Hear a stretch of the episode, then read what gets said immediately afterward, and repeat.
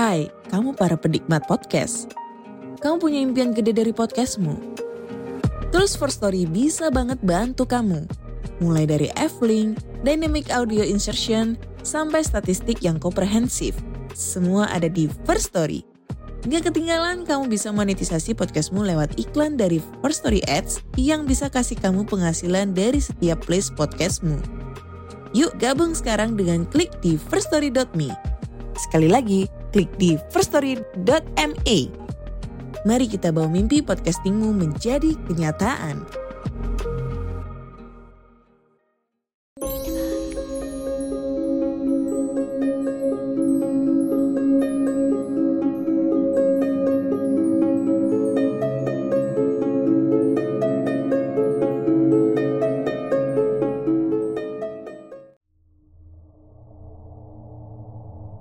Selamat datang dan selamat malam. Saya Denny, narator dari Rumah Horor Indonesia RHI. Apa kabar? Semoga kalian ada dalam keadaan yang sehat dan berbahagia. Malam hari ini kita akan mendengarkan kembali cerita-cerita horor. Dan untuk cerita pertama, ini akan mengambil sebuah tema mati suri ya. Cerita ini seperti dikisahkan oleh Emmett McCann, seorang pria yang berasal dari sebuah kota kecil bernama Lurgan di Irlandia. Emmet punya seorang tangga Seorang nenek yang sudah tua tapi masih bugar. Ia hidup sendiri karena suaminya telah meninggal dunia. Anak-anak dan keluarganya tidak tinggal bersamanya Tetapi masih sesekali berkunjung dan menengok dirinya. Suatu hari nenek ini ditemukan sakit dan dikira meninggal dunia. Akhirnya dibuatlah sebuah upacara pemakaman Dan ia dikuburkan di pekuburan umum Semasa hidupnya, si nenek adalah orang yang kaya dan punya banyak harta. Kabarnya ia menyimpan perhiasan emas di dalam rumahnya karena masih sangat tradisional dan kurang percaya pada bank. Karena anak-anak dan saudaranya juga kaya, maka mereka tak punya keinginan berebut warisan dan memilih membiarkan kekayaan nenek tersebut untuk sementara di rumahnya. Suatu malam, usai acara pemakaman si nenek, hujan turun dengan derasnya. Tak ada seorang pun yang menjaga dan menunggu rumah si nenek. Timbullah niat jahat seorang pencuri yang ingin menguras semua harta si nenek. Ia berpikir aksinya akan berjalan mulus tanpa ketahuan siapa-siapa karena rumah tersebut tak ada lagi penunggunya. Di tengah aksinya mengumpulkan semua perhiasan, ia ditepuk oleh seorang dari belakang. "Sedang apa kamu di rumahku?" Tampak seorang wanita berbaju lusuh dengan wajah keriput yang menakutkan di belakang si pencuri. Pencuri tersebut ketakutan dan lari tunggang langgang. Ia meninggalkan rumah nenek yang dikiranya berhantu itu. Karena mendengar suara keributan dan teriak ketakutan si pencuri, maka tetangga-tetangga si nenek pun mencari tahu apa yang tengah terjadi. Lampu di rumah si nenek mulai menyala. Sampai akhirnya seorang tetangga memberanikan diri memeriksa keadaan. Ajaib, si nenek maksudnya yang tadi dikuburkan ditemukan sedang duduk di sofa dan kelelahan. Ternyata ia belum meninggal.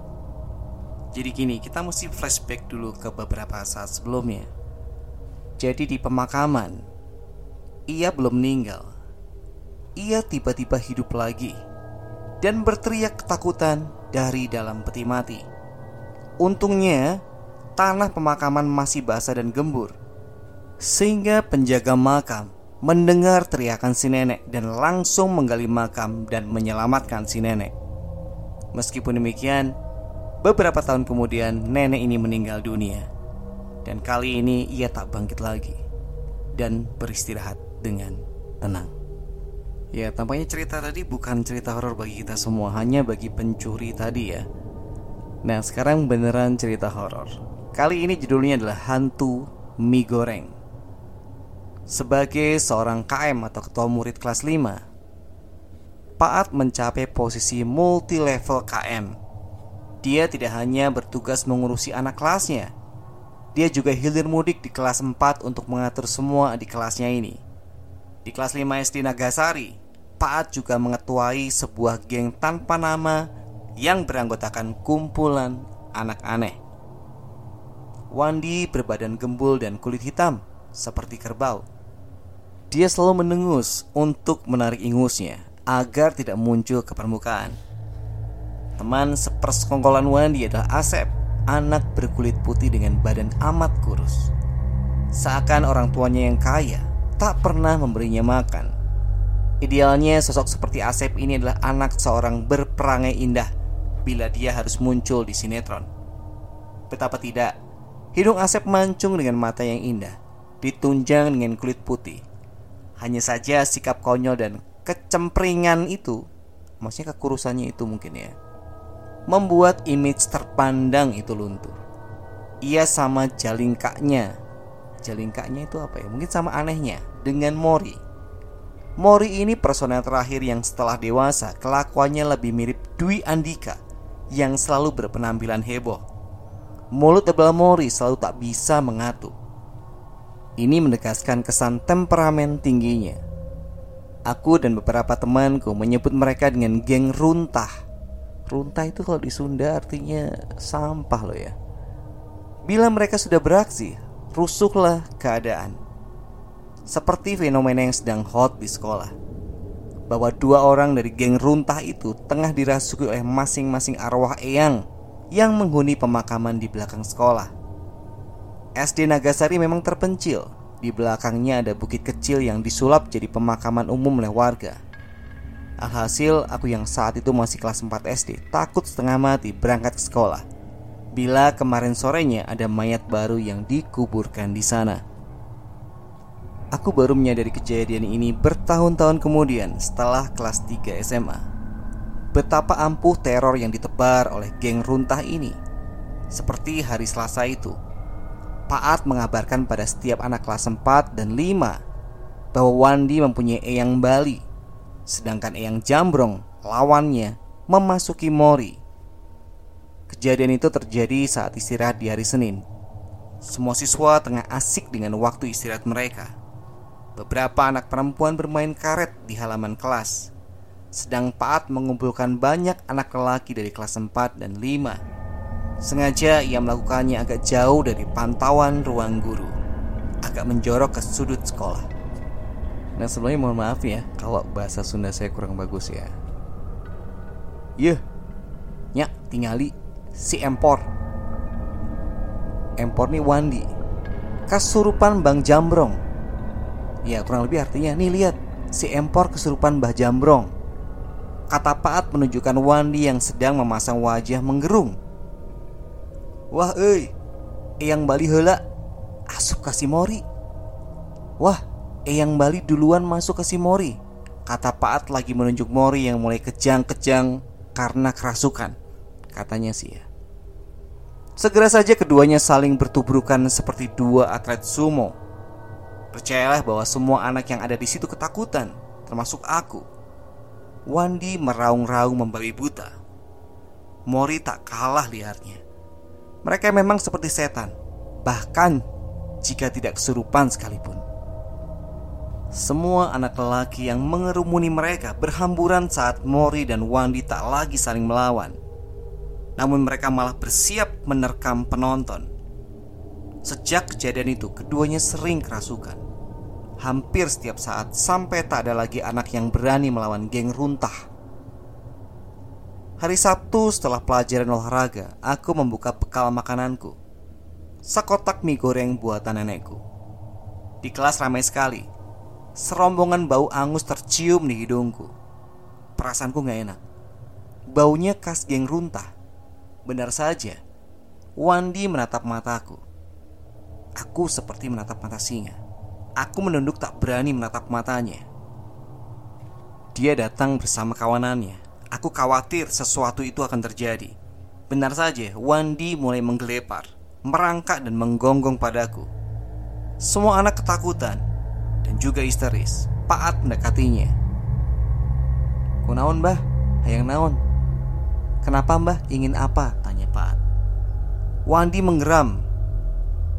Hayang ami. Pengen mie, kata Wandi sambil meraung. Asep menatap mie goreng yang masih di tanganku. Eh, wah mbah, iya mah ayah game mie goreng. Gak ada mbah, ada juga mie goreng, kata Asep. Hmm, baik. Yang artinya biarin, kata Wandi lagi sambil menggeram. Akhirnya aku relakan Simbah Jambrong itu memakan mie gorengku. Wandi tengah makan mie goreng dan masih kesurupan saat Bu Guru Elis datang ke kelas. Spontan anak-anak berhamburan, begitu juga dengan Wandi yang sedang kesurupan. Ia kalang kabut berlari keluar kelas dengan mulut penuh mie. Baru kali itu ada arwah kesurupan yang galau saat melihat guru masuk kelas. Apa mungkin Simba Jambrong lebih takut pada Bu Elis yang terkenal dengan kegalakannya itu? Ya Sobat RAI, eh, cerita kedua gagal lagi deh horornya. Ini mah kayaknya akal-akalnya si geng runtah itu biar bisa makan gratis. Buktinya dia takut sama guru tuh. Mana ada setan takut sama guru. Oke, cerita terakhir malam hari ini beneran horor ya. Jadi judulnya juga udah kelihatan horor banget nih. Nggak ada komedinya. Hantu Tangan Buntung. Cerita ketiga melengkapi kisah horor komedi pada malam hari ini dialami oleh Fauzan Kejadian ini sebenarnya belum lama terjadi. Tepatnya sekitar awal tahun 2016 Ya ketika ini dibacakan sudah cukup lama ya. Di mana saya dan teman-teman tengah berburu batu aki Karena waktu itu tengah booming-boomingnya jenis batu akik berkodam Mulai dari batu akik merah derima Kol buntet, galih, kelor, dan sebagainya. Karena penasaran dengan teknik dan cara menarik benda pusaka termasuk batu akik yang konon bisa dilakukan oleh salah satu teman saya. Akhirnya saya beranikan diri untuk mengikuti perjalanan malam guna mengambil benda pusaka di sebuah pemakaman umum tak jauh dari rumah teman. Seingat saya waktu itu malam Jumat Kliwon karena memang syarat penarikan benda pusaka yang paling tepat menurut teman saya adalah malam tersebut.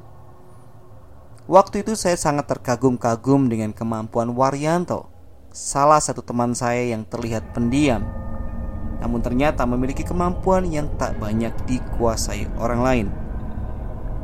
Kesuksesan malam itu membuat kami berdua tersenyum lebar. Pasalnya, selain dapat menarik sebuah pusaka berbentuk keris semar mesem, kami juga menemukan sebuah batu cincin merah delima yang sangat menakjubkan. Singkatnya, setelah puas dengan perburuan malam itu, kami lantas kembali ke rumah Waryanto sekitar jam 1 dini hari. Kopi dan gorengan menjadi teman ngobrol seolah malam itu tak ingin kami lewatkan dengan tidur malam. Namun yang namanya manusia tentu ada waktunya harus istirahat, di mana kami tertidur tanpa sadar. Tak jam berapa kami mulai memejamkan mata. Beralaskan sebuah tikar, kami terlelap seolah tengah tidur di atas ranjang empuk di sebuah hotel. Peristiwa aneh sebenarnya mulai saya rasakan ketika terbangun sekitar pukul 3 pagi di mana keris dan batu akik yang diletakkan di sebuah mangkok putih di atas meja terlihat bergetar dan menimbulkan bunyi gesekan dalam mangkok tersebut. Jujur, saya cukup merinding dibuatnya. Terlebih, Waryanto yang berada di sampingku masih tidur dengan nyenyaknya. Karena takut, saya putuskan untuk tidur mendekati Waryanto dan mengenakan sarungku sebagai selimut. Tak lama kemudian aku mulai terlelap.